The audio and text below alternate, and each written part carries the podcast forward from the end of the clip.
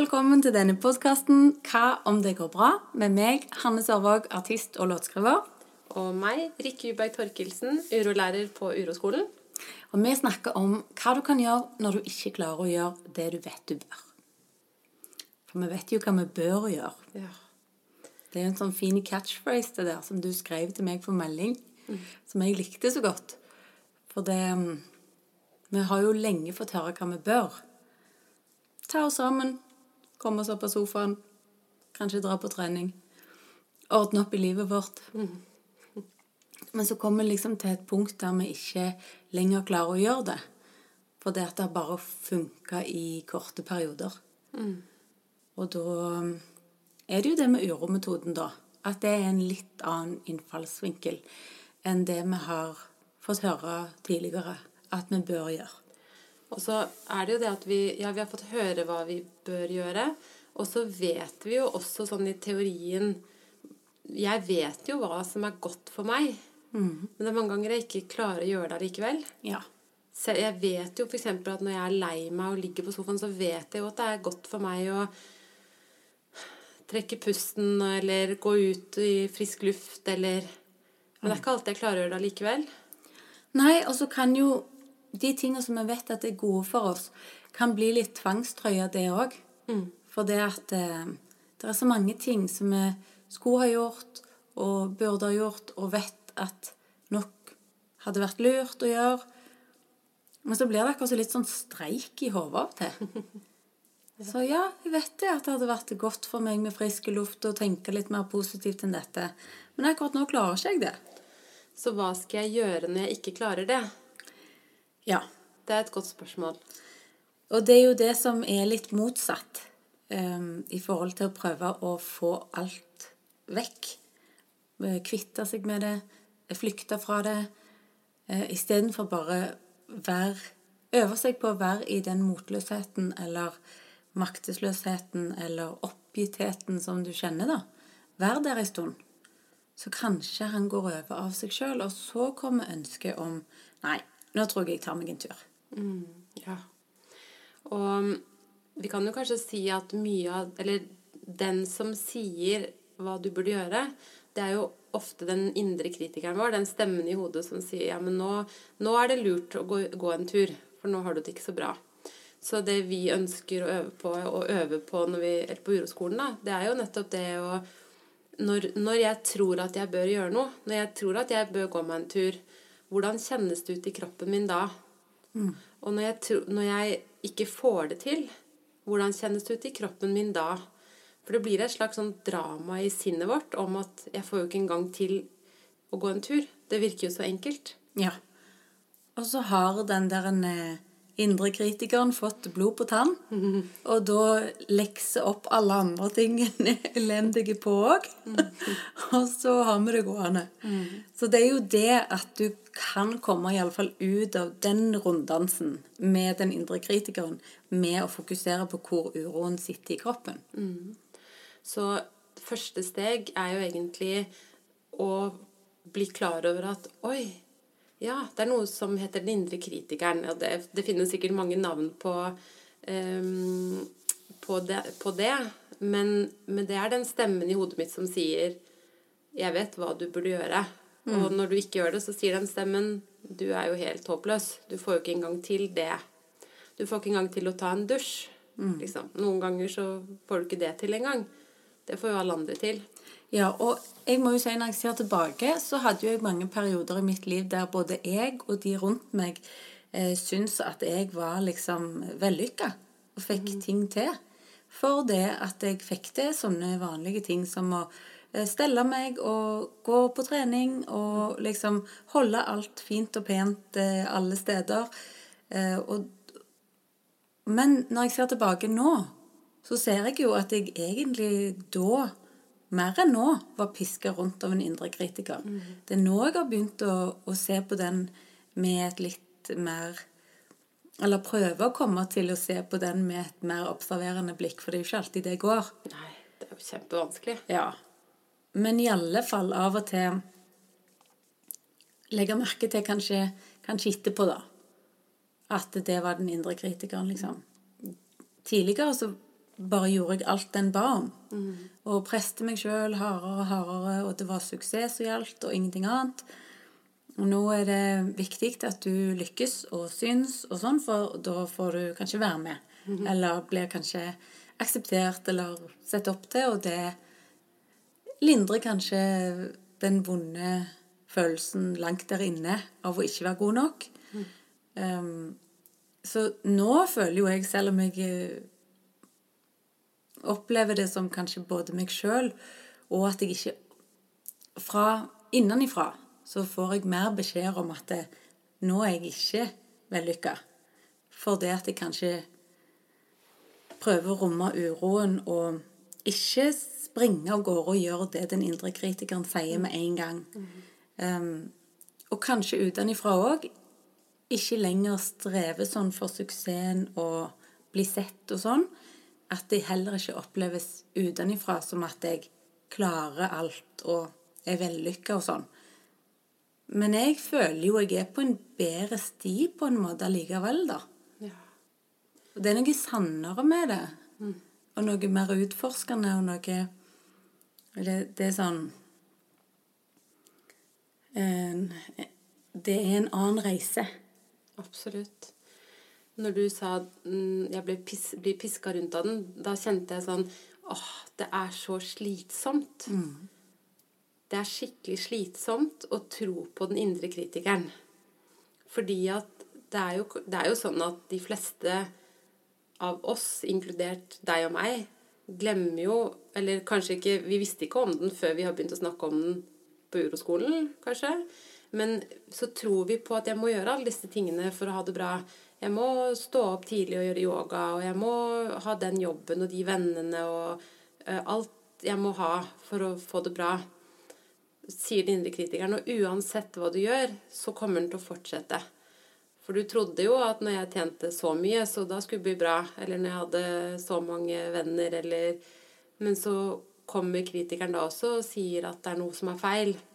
Eller kanskje uroen. Det er jo uroen også som sier det er noe feil her fordi det er uro. Men det er jo utmattende. Det er slitsomt å tro på den indre kritikeren. Ja, det, det er veldig slitsomt. Og altså, de gangene en gjerne trengte å hvile istedenfor, så gikk jo ikke det. For det at det var en indre kritiker som sa at vi kan jo for all del ikke legge oss ned, bare. Det er jo synonymt med å bare gi opp og la alle andre ta en igjen og gå forbi en, liksom. Ja. Så når vi sier Eller når podkasten vår heter 'Hva om det går bra'? Ja, hva om det går bra når du har indre kritiker? Ja. Fordi at det vi ønsker, er jo ofte Eller hva om det går bra når du har uro? Fordi vi tror jo at vi vil ha det vekk. Og vi tror at det er det eneste som funker. Men hva om det går bra selv om du har kritiker og uro og Ja, og hva om det går bra selv når det ikke går bra? Ja. For det at vi kan lære oss å ikke ha det bra. Altså tåle å ikke ha det bra. Og på en eller annen måte så går det ganske bra da. Ja. hvis du eh, Hvis du tåler å ikke ha det bra. For det Det er liksom eh, det, er jo, det var jo i alle fall der det lå for min del. At jeg trodde at eh, Det er jo ikke sånn livet skal være. Med så mye som gjør vondt, og så mye som går meg imot, og så mye mm, utfordringer og vanskeligheter, liksom. Det var ikke sånn livet skulle være. Det stemte ikke med min forventning til livet. Men jeg ser jo, når jeg ser meg rundt og ser på andre sine liv og sånn, og mitt eget, så er jo ingen som er fri for utfordringer og vanskeligheter. Så hvis en heller da går via å akseptere at det er masse vondt og masse smerte i et liv, og hvordan kan vi bli bedre på å håndtere det? Og det er jo Jeg, var, jeg har vært i begravelse i dag. Oh, ja. mm. Moren til en venninne som døde. ja. Og da kjente jeg så på det når jeg sto der i kirken, eller i kapellet, da, at um, For hun var jo ikke så gammel, så alle er jo på en måte imot den døden. Vi er jo, og vi er kanskje nesten alltid det. Vi er imot døden. Um, men hva om det går bra til og med når noen dør? Eh, og det betyr jo ikke at ikke det er ekstremt smertefullt å miste noen, eller det betyr ikke at ikke livet er ekstremt smertefullt. Men jeg tror det som er mest vanskelig i livet, det er motstanden mot at livet er vanskelig. Ja, og motstanden gjør at du prøver å holde det på avstand, og da gjør mange ting som egentlig kan rote det til for deg enda mer. Um, Istedenfor å våge å gå og la Jeg hørte en gang et uttrykk om at du tror at det er et sverd som går rett gjennom deg. Men hva om det er en stemmegaffel som så gir, gir deg tonen din? Ja. Og det, det var så fint bilde, for det er av og til er vi så, vi er så redde for smerten og det som gjør vondt, at vi prøver å unngå det for enhver pris. Og så er det kanskje noe som kunne ha spilt an til en, en helt spesiell tone. Og en helt ny melodi i livet. Så fint. Mm. Vi pleier jo å si på uroskolen at den virkeligheten du har, er helt perfekt for deg. Og det er jo ofte veldig Det er ganske vanskelig å svelge det, det utsagnet når virkeligheten gjør vondt. Ehm, men det vi mener med det, er jo at denne virkeligheten viser deg Den gir deg muligheten til å komme dypere i kontakt med din egen uro, og dermed deg selv. Mm. sånn som den stemmegaffelen, da. At til og med når virkeligheten er skikkelig smertefull, så kan vi komme i kontakt med, med våre egne ressurser, da. Og ressurser kan det f.eks. være mot til å kjenne den smerten. Jeg husker første gang du sa det til meg. Og en del av meg liksom lytta etter det. For jeg hadde egentlig lyst til å bli der jeg var. Eller en del av meg hadde lyst til å bli, og en del av meg hadde lyst til å dra. Så når du sa at din virkelighet er perfekt for deg, for nå kommer du i kontakt med eh, ting som kan være nyttig å se på um, Men så kjente jeg òg denne her virkeligheten. Den er ikke perfekt, og den vil iallfall ikke jeg ha. Men jeg, jeg ser det jo nå, liksom. Når vi sitter sånn rolig og snakker om det, og jeg ser tilbake, så ser jeg jo at den var jo helt perfekt for at jeg kom i kontakt med noen sånne områder eh, i meg, liksom, som jeg ikke hadde vært borti før. Ja. Hm. Og det er jo kanskje sånn at um, det, jo, det virker nesten som en radikal ting å si. Hvis noen sitter i en veldig smertefull virkelighet, da. Ehm, så fordi at alle mennesker i hele verden er enige om da Da er de alle enige om at dette er jo ikke en perfekt virkelighet. Denne virkeligheten er jo feil. Og, øh, og det kan jo være sant at den er veldig vond, men den er som den er. Ja. Det er helt sikkert. Sånn at det kan jo ikke være feil eller rett. Det bare er sånn at denne virkeligheten er smertefull. Eh, og det er nyttig å ta den smerten på alvor. Mye mer nyttig å se på den smerten enn å diskutere at det burde vært annerledes. Ja, det er sant. For det, virkeligheten er jo ofte ikke sånn som vi skulle ønske. Ofte ikke sånn som vi har veldig tydelig i hodet sett den for oss at det skulle være. Um, men den er allikevel som den er. Og min store sorg i livet har vært at verden er som den er, og ikke sånn som jeg håpte at den skulle være. Jeg håpte at folk skulle være mye eh, snillere med hverandre. Jeg håpte at vi skulle ha vært snillere med kloden. Jeg håpte at vi skulle være snillere med dyra vi deler planeten med. Eh, Og det, det er jo ikke sånn. Når du sier det, hvordan kjennes det ut i kroppen din? Jeg kjenner jo at jeg får litt sånn spenninger, for det at jeg har liksom tenkt så mye på dette. Og det er det som stikker mest når jeg ser konflikter og krig og noen som er stygge med andre. Eh, noen ganger kan en forstå, kanskje, at en kom, hvor en kommer fra, pressa situasjoner i lider og er i nød sjøl. Andre ganger går det bare ikke an å forstå hvorfor noen eh, må være så forferdelige med andre. Så det er det som har tynga meg mest i mitt liv.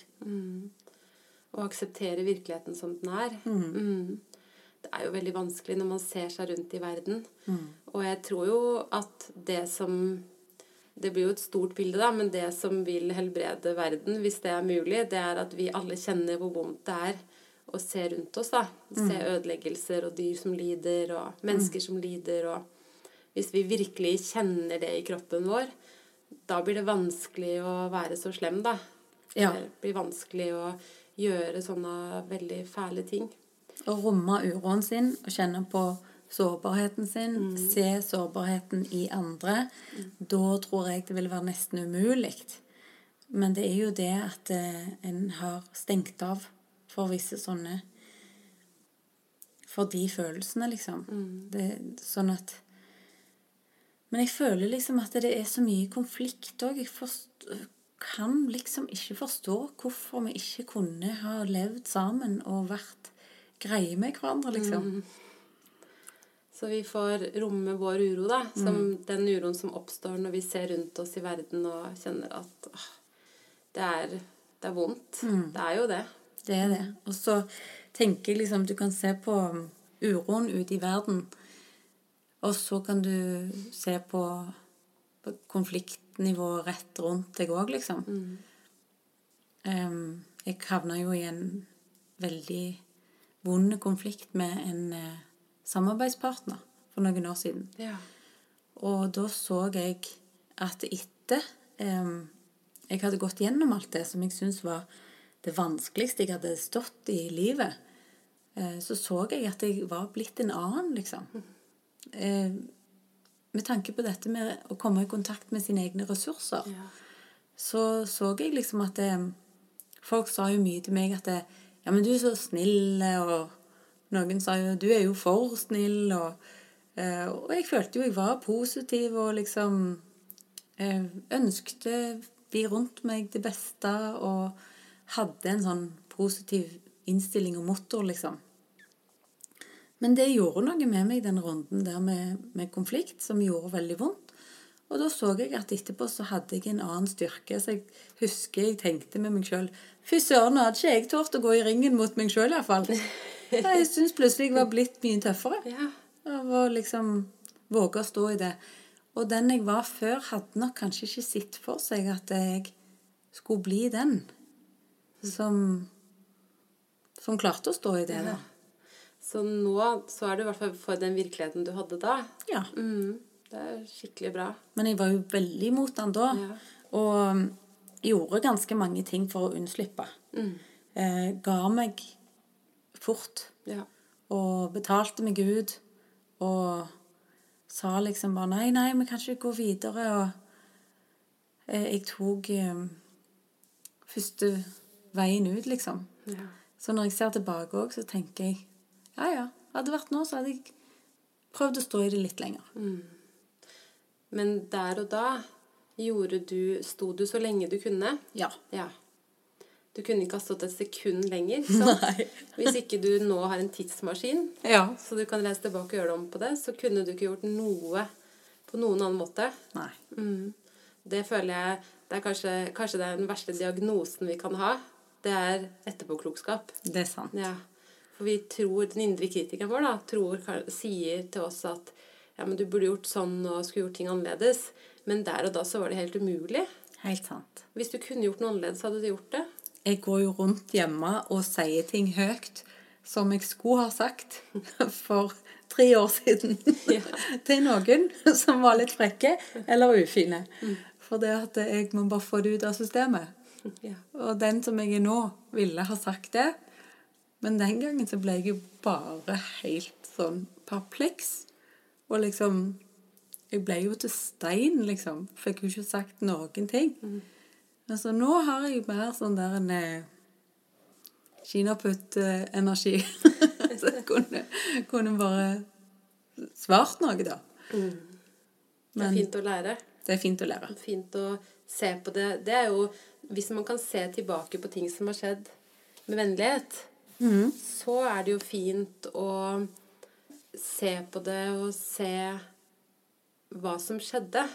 På en måte, Uten å dømme det, men å se ja, nei, å ja, der, ja. Der stoppa jeg opp og var helt, gikk helt i frys, eller mm. Mm. Det er nyttig å se tilbake. Det er bare ikke så nyttig å dømme seg selv for det. Nei. Det er sant. Og ofte så vil jeg kanskje tro at hvis, hvis man skal se tilbake og lære ting, så er det nyttig å gjøre det sammen med noen. Mm. For man går fort inn i den at man dømmer seg selv. Ja. Mm. Og, og angre på at 'hvorfor gjorde jeg ikke sånn?' og, og nesten vil gå tilbake igjen og vil begynne å bygge tidsmaskin med en gang. For det at du må bare få sagt det der. For hadde jeg bare fått sagt det, da hadde de jo skjønt det. Men det er jo ikke sikkert de hadde det engang. Da kan du si fra når du har bygd en tidsmaskin, så kan vi dele den med de som hører på podden vår. Jeg gleder meg. Jeg er i full gang, jeg nå. Men du, nå har vi jo lansert vår første episode. Det har vi. Det var veldig gøy. Syns du? Ja, det var jo, det var jo spennende òg. Jeg var litt nervøs, for jeg føler jo at jeg deler jo låter og er jo personlige låter, men dette er på en måte på en annen måte, da. Vi deler jo litt av det som jeg og deg har jobbet med, og så jeg føler meg jo sårbar når jeg forteller noen av de tingene jeg forteller. Du er jo det. Mm. Og det er jo hele poenget med denne podkasten, at vi skal være sårbare. Men det er jo kjempeskummelt. Ja. Det er skummelt å være sårbar. ja. Og så er kanskje min opplevelse er i hvert fall at gevinsten er like stor som det er skummelt. Mm. Det er det. siden. Har du fått noen eh, meldinger fra folk, da? Jeg har fått mye meldinger, Ja. og det har vært veldig fint. Og jeg er jo livredd for kritikk. Mm. så jeg har jo, hver gang det kommer melding, så tenker jeg nå er det noen som skal, som skal kritisere oss. Ja. Så hadde vi fått kritikk, det har vi ikke fått da, Nei. enda, Nei. eh, så hadde det vært perfekt for oss. Eller i hvert fall for meg. Ja, jeg eh, liker absolutt ikke å få kritikk, jeg heller. Jeg er jo sånn at jeg av og til kan legge ut et dikt eller noe sånt jeg syns er fint. Og så hvis noen kommenterer sånn 'Herlighet, for et teit dikt', så blir jeg kjempesur og kan gå rundt og være sur hele dagen. Så da sier det seg jo sjøl at når noen kommenterer ting som er mye mer personlig for meg, eller eh, på låten eller på meg som person, så går rett i kjelleren, jeg, altså. Når, når du får kritikk, kan jeg vet ikke, Har du lagt merke til hva er det som skjer med deg da? Da tror jeg at jeg går eh, Jeg går eh, i litt sånn fight mode. Jeg har, med en gang så har jeg lyst til å bare skrive en skikkelig sur og sint melding tilbake. Av og til gjør jeg det òg, men jeg poster den ikke, for det vet jeg jo fører til ingenting bra. Så da gjør jeg ikke det. De par siste gangene det har kommet noen sånne, så har jeg bare skrevet noe sånn Takk for innspill.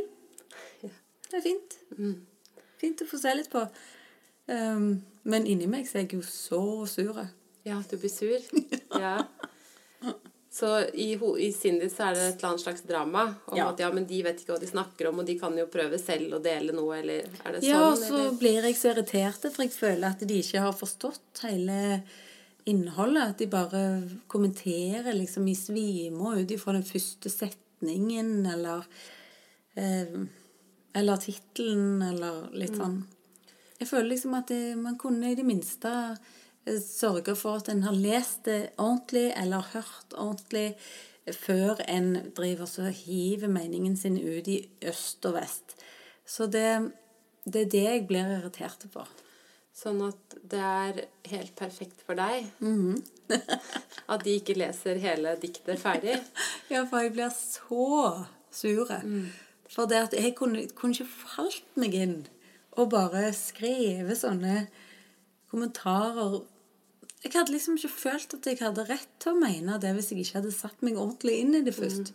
Så sånn sett så, så peker det jo på noe i meg. Hvis du hadde satt deg ordentlig inn i det, hadde du, med, hadde du gitt noen kritikk allikevel? Nei, jeg hadde jo ikke det heller. For det Men jeg hadde jo kanskje kunnet si meningen min så lenge jeg visste at det, At jeg hadde iallfall lest alt Jeg hadde ikke bare lest den første linja, eller sånn Så det peker mot mønster i andre og mønster i deg. Ja. Og ditt mønster er jo kanskje um, jeg kan jo ikke si det, for da vil jeg være til bry. Ja. Og jeg tror jo at jeg Det hadde jo nesten vært et gjennombrudd hvis jeg bare skrev en kommentar eh, med venstre hånda og bare 'Herlighet, for noe sprøyt!' og så gikk videre. Så det er sånn Jeg er så langt unna å gjøre det at eh, hvis jeg noen gang kommer dit, så skal jeg, eh, da skal jeg feire. Mm. Da tar vi en flaske champagne. Mm, da gjør vi det. Og vet du hva jeg så for meg her, her en dag? For det, det jo, jeg tar jo veldig seriøst dette når vi går på scenen, og alt jeg sier mellom låtene, og all teksten må være på plass, og ingen sure noter, og det jeg har på meg, må være fint. Så jeg er jo liksom streng. Så skulle jeg gå på scenen. Og så, rett før jeg gikk på scenen, så fikk jeg plutselig et, eh, et bilde i hodet av at jeg gikk av scenen, og det hadde gått skikkelig dårlig. Alt hadde skåret seg. Og så gikk jeg av sammen med musikerne mine, så gikk vi av scenen, og så så på hverandre, og så begynte vi å skratle. Vi bare lo og lo og lo, fordi at alt hadde skåret seg. Og da ble jeg så glad av det indre bildet der, for det er sånn som jeg Jeg har ikke kontakt med det å kunne at Det betyr så mye for meg at jeg hadde ikke klart å gå av scenen og ledd meg i hæl. Jeg hadde Jeg hadde liksom Jeg gremmes, vet du. sant? For det at Å, og så det, da. Nei, og så skjedde det. Og så herlig at alle de som så på oss Altså Men det var bare så utrolig deilig følelse å bare få kjenne litt på det bare med å se det for meg. Så da skal jeg òg feire. Hvis Ja. jeg en gang går på scenen og alt skjer seg, og klarer å gå av og le meg i hjel med bandet mitt Nei, det hadde vært for en frihet. Det er skikkelig ressurser, da. Ja. Å kunne se for seg noe sånt Ja. istedenfor å se for seg at det blir katastrofe. Ja. Eller det var jo katastrofe, da. Ja. Det bare, det, resultatet var ulikt, Ja. på en måte. Eller Ja. følelsen var ulikt. ja. Mm. Men det hadde jo, nå når jeg har spilt i så mange år, så vet jeg jo at det var noen jobber underveis der der virkelig alt skar seg. Vi gikk opp på scenen, og det bare ulte i anlegget fra start til slutt. Og eh, så røyk en streng, og så datt han ut i publikum. Og så altså, bare styr. Og så Nå når jeg ser tilbake, så har det jo ikke så mye å si som jeg tenkte. Sånn at eh, Men det kunne jeg jo ikke vite der og da. Nei. Men det kan jeg på en måte se litt nå, da. At, eh, men jeg satt jo hele hjemturen og bare tenkte nei, nå Dette her var skikkelig Tidenes nedtur. Ja, nå har jeg gravd min egen grav. Ja. Så det peker jo også mot at det har skjedd noe i deg Ja. siden da. Mm. Det er jo veldig fint. ja, det er fint. Mm. Det er kanskje litt erfaringen òg. Å se at du får ikke bare én sjanse. Og at det kan være nyttig å erfare at ting går på tverk òg. Veldig. Det er jo det, Da høres det egentlig ut som det er mindre press. Selv om det er klart det er press, så er det mindre indre press, da. Ja. Det var noe veldig forløsende i det jeg så for meg det. For av og til så er det jo sånn bare du kjenner på følelsen med å se det for deg, så har du egentlig fått kjenne litt på den. Det som jeg da trodde var Nei, det der er helt utilgjengelig for meg. Å le av noe sånt. Det hadde jo vært helt krise. Men tenk så fantastisk og forløsende for oss å kunne le etter at alt Etter å ha en sånn en dag på jobben. Det er skikkelig fint. Det er ubehagelig nok mens det står på. sant? Det, det, det minner meg bare om Eller den følelsen at livet er, er så, alt er så viktig. Det er så viktig at alt blir gjort riktig. Ja. Og det, den, den tanken der gir jo et enormt press. ja. Og det gir uro. For hvis jeg ikke gjør det riktig, da er det krise. ja. Som om det står så forferdelig mye på spill hele tida. Og så er det jo egentlig at den som ser strengest på oss, vil jo alltid være oss sjøl. Sånn at eh, Og Ja, hvordan kan en minne seg på det, liksom? Ka- Og kanskje en måte er jo selvfølgelig når man lærer noe nytt, da, sånn som det vi snakker om her. Det er jo å lære noe nytt for veldig mange, og for oss er det jo å minne oss selv på noe vi har lært. Um, og det er, jo, det er jo noe nytt. Det er å si at kanskje ikke det er så viktig. Men det som er viktig, er å kjenne etter i kroppen hvordan Og kanskje ikke det er så viktig, det heller, men det er, en annen ting, det er noe annet vi kan gjøre, da. Hvordan er det i kroppen min? Hvordan er det å være meg når jeg står her og tror at det er veldig viktig at denne kaka blir helt perfekt mm. før 17. mai? Eller hvordan er det å være meg når jeg står og rydder hele huset eh, før 17. mai, selv om jeg ikke skal besøke noen? Mm. Men det er jo 17. mai, så det er veldig viktig at det ser ordentlig ut i morgen. Eller ja. i dag, eller Og det er jo bare en, eh, en idé som mm. en kanskje har tatt tak i. Mm. At dette er veldig viktig. Som vi tror på. Ja. Det er, en, det er en idé som har blitt en sannhet. Enten så har vi liksom bare sett andre oppføre seg som om det er viktig for de, og så tar vi det over til oss sjøl, eller så har vi liksom funnet det på at jo, dette her er viktig for meg. Mm. Um, men så er det ikke sikkert det er så viktig, egentlig. Iallfall ikke i den store sammenhengen. Jeg tror ofte det er viktig at jeg må rydde og vaske huset. Mm. Det tror jeg ofte på. Ja. Særlig hvis jeg er urolig. Mm. Så jeg kan komme inn i huset eller være i huset og være urolig. Da er jo ikke alltid at jeg vet at jeg er urolig, eller det vet jeg jo da ikke. Og så ser jeg rundt meg, og så kjenner jeg Oi, nå er det veldig viktig at jeg rydder. Ja. Mm. Jeg prøvde i dag å vaske kjøkkengulvet fordi jeg hørte på en podkast at det var ei som pleide å gjøre det for å bli rolig. Ja. Og så tenkte jeg OK, men da prøver jeg det. Og så Det som er fint med det, er jo at jeg ble jo ikke noe rolig, men jeg hadde i det minste rent kjøkkengulv. Det er deilig, det. da. Lukter ja. godt på kjøkkenet. Ja, det var fint. Men eh, vi begynte jo egentlig å snakke om tittelen. Det, det, det, skulle vi snakke om ja, i dag. Ja, det var det vi skulle snakke om. Og, Hva om det går bra? Og det kommer jo fra den låten min ja. som heter det. Som jeg har skrevet sammen med Pål Frøyland. Og det som var litt gøy, var det at jeg kom plutselig på at den introen kunne være en fin jingle for oss mm. i denne podkasten. Og så um, var det egentlig seinere, når jeg skulle bare klippe ut jingle og sende til deg og sånn, at jeg plutselig la, la merke til at andre verset så går teksten sånn Han som sitter der og kviskrer og prøver å dra meg ned, skal jeg prøve å bli kvitt han? Jeg tror jeg lar han være. Og det syns jeg jo passet så godt mm. til urometoden og altså den der kritikeren som sitter og kviskrer at dette kommer aldri til å gå. Og så i låten da så er det en annen liten stemme som, som spør ja, men hva om det går bra? Det er så bra. Ja. Og så det der Skal jeg prøve å bli kvitt den? Jeg tror jeg lar den være. Det er jo essensen, en av essensene i urometoden. Ja, det er sånn. Så det ja.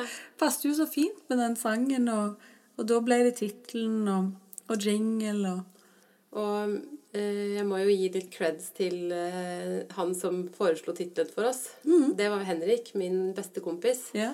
Fordi jeg sendte han noen navneforslag. Han er veldig fin å spare med, for han er så ærlig. Så skrev jeg, husker ikke jeg, uh, uro med urolig med han og Rikke. Ja. Så, gikk jeg tilbake han. Det syns jeg er dørgende kjedelig. og så kom jeg til deg, og så hadde du noen lignende forslag. Ja. Så sa jeg til deg det ville Henrik sagt, og det er dørgende kjedelig. Ja. Og så skrev han til meg hva med hva om det går bra? Ja. Det var jo så fint. Ja. Og passet jo så godt, og ble en rød tråd. og men jeg òg følte at vi kanskje skulle ha noe med uro i tittelen. Mm. Sånn at eh, siden det liksom Det er det vi snakker om, da. Mm. Sånn at jeg har kommet til deg, og vi har jobbet med, med den metoden. Så, og det òg følte jo jeg det var veldig viktig. Ja, at ja. det var noe med uro i tittelen. Mm. Og så viser det seg at det, eh, det ble kjempemye finere og bedre uten. Mm. Det var så fint. Og begge to kjente vel at ja, ja, ja det tar vi. Ja. ja. da snakker vi om noe annet. Ja. Ferdig. Det var ikke så viktig lenger. Nei, det var ikke så viktig. Det var kjempeviktig for to sekunder siden, og nå er vi ferdig med det. Ja. Sånn har det egentlig vært med mange ting. Med bildet òg. Det var masse sånn Jo, men det må være sånn. Og der var lyset sånn. Og dette er skarpt og fint og sånn. Og så plutselig så bare Men det, alt det der var egentlig ikke så viktig. Vi tar dette.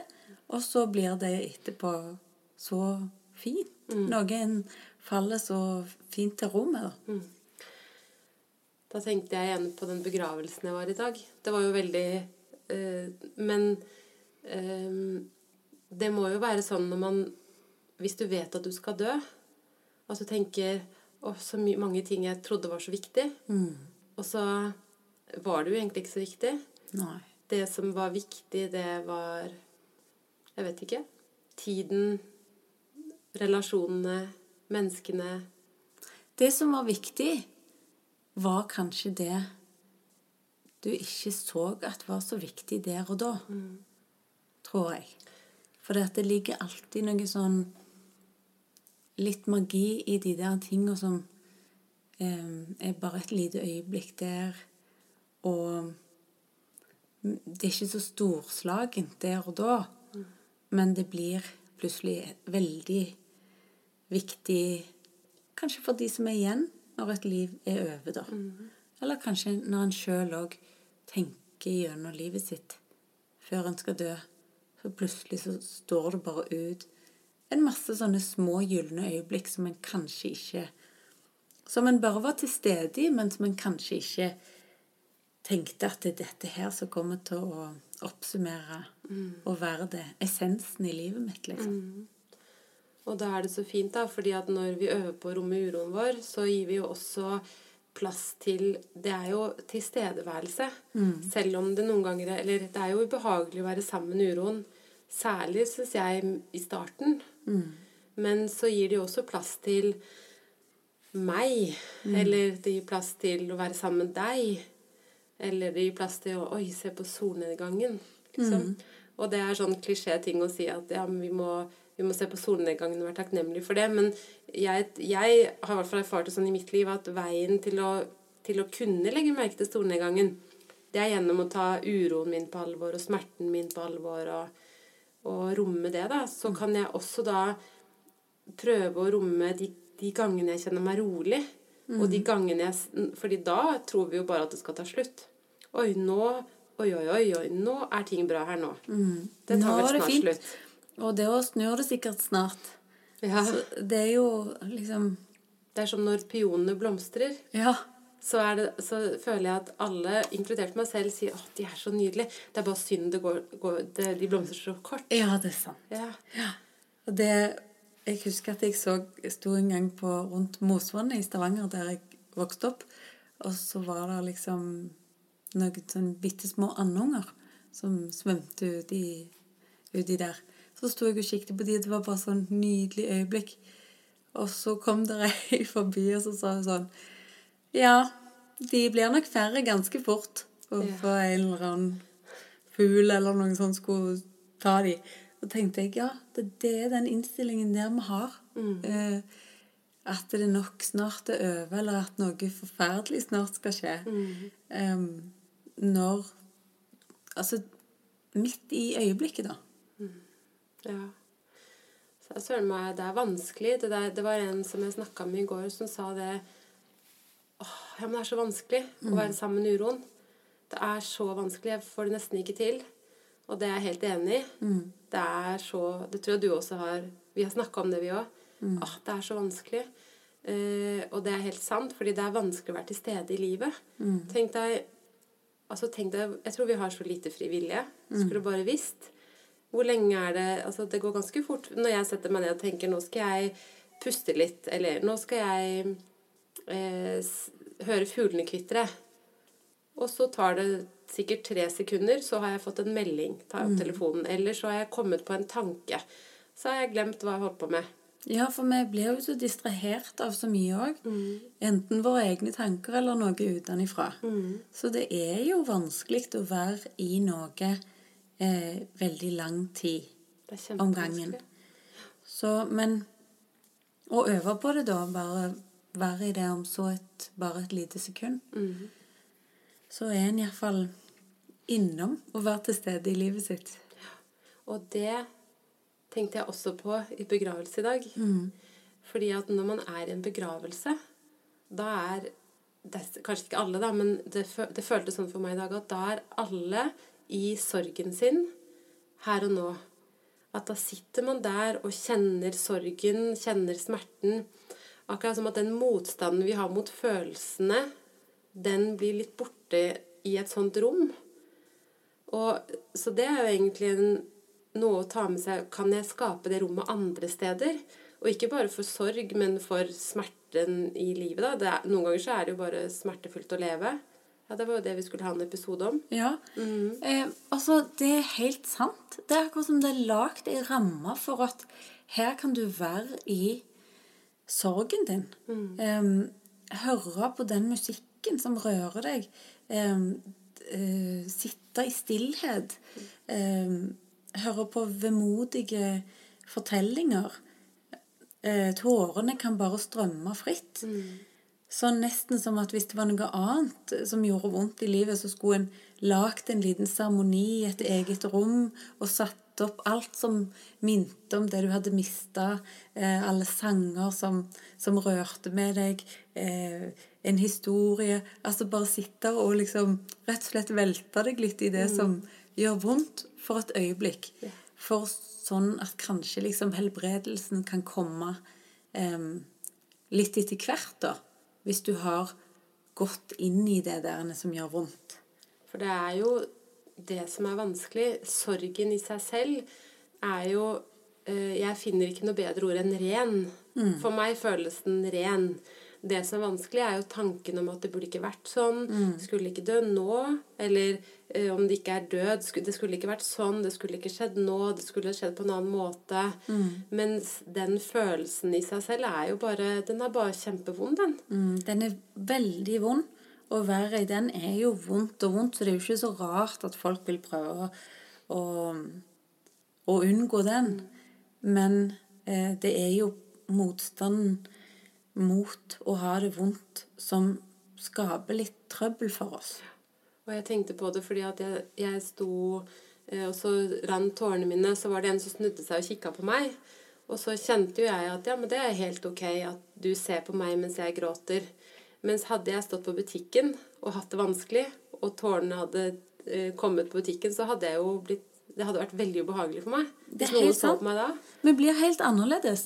Og det er helt eh, fint å strekke ut ei hånd og klappe noen på skulderen, på raden foran, eller klappe noen på, på låret, på, eh, litt bort forbi på benken. Altså sånne ting som du eh, Vi har mer avstand mellom oss i det daglige. Um, Så den tillatelsen vi kan den, Eller det er i hvert fall Vi kan øve på, med oss selv, da. På å kjenne det vi kjenner i kroppen, og la det få lov til å være sånn.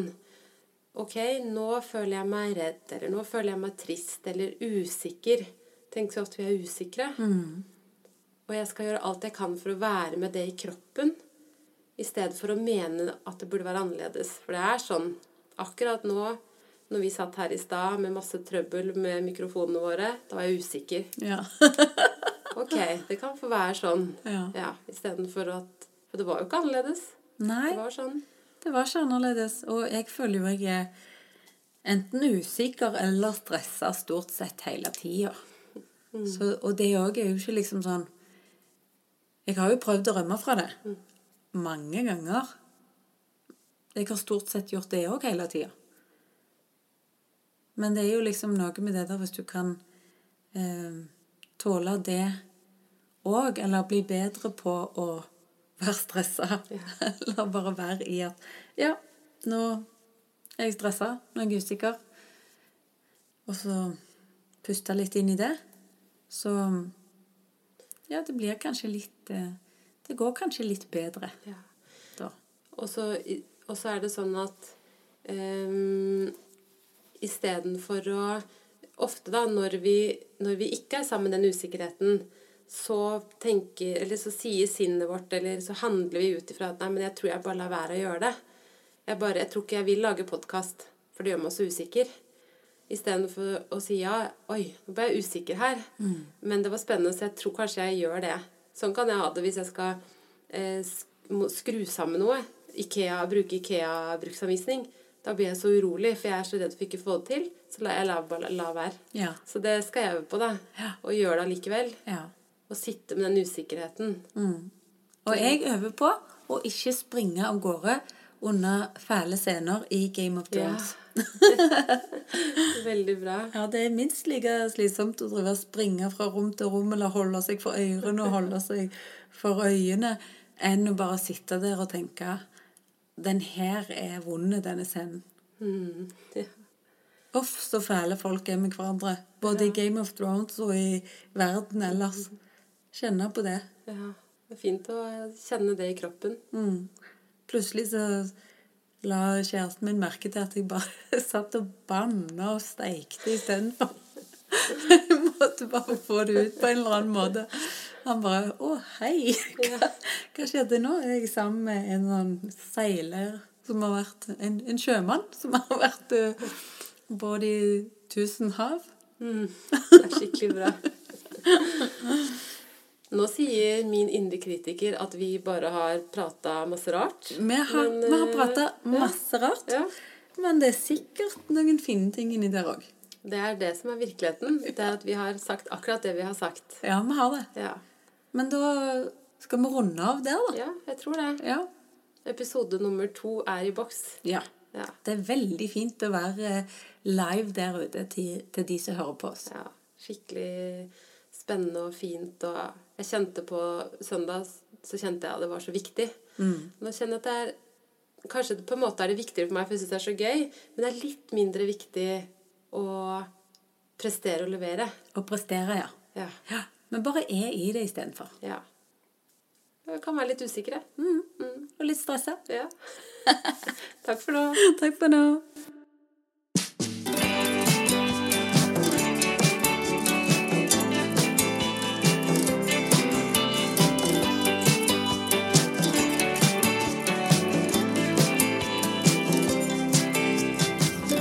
Alle kan jo se det, at jeg er helt ifra meg. Men hvem tror jeg at jeg er, så tror at du vil ha meg? Noe kviskrer meg i øra når noe står på spill. Og spør meg hva som gjør at jeg er god nok for deg. Men hørte jeg en liten stemme som sa Hørte jeg en liten stemme som sa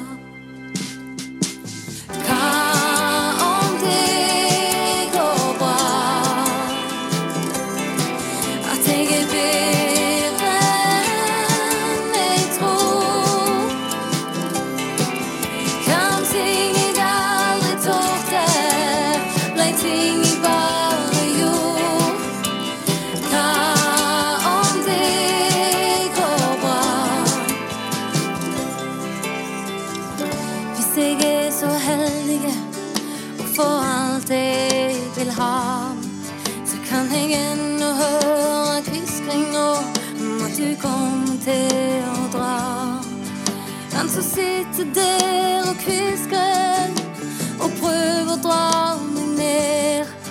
Skal jeg prøve å bli kvitt den? Jeg tror jeg lar den være.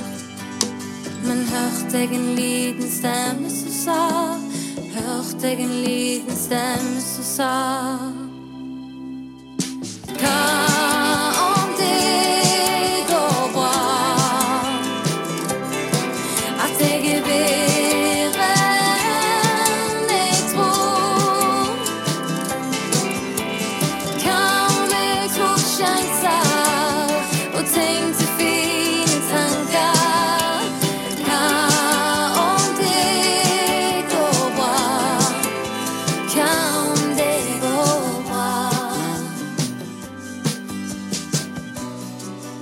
Det er når jeg finner roen og tror på den jeg er.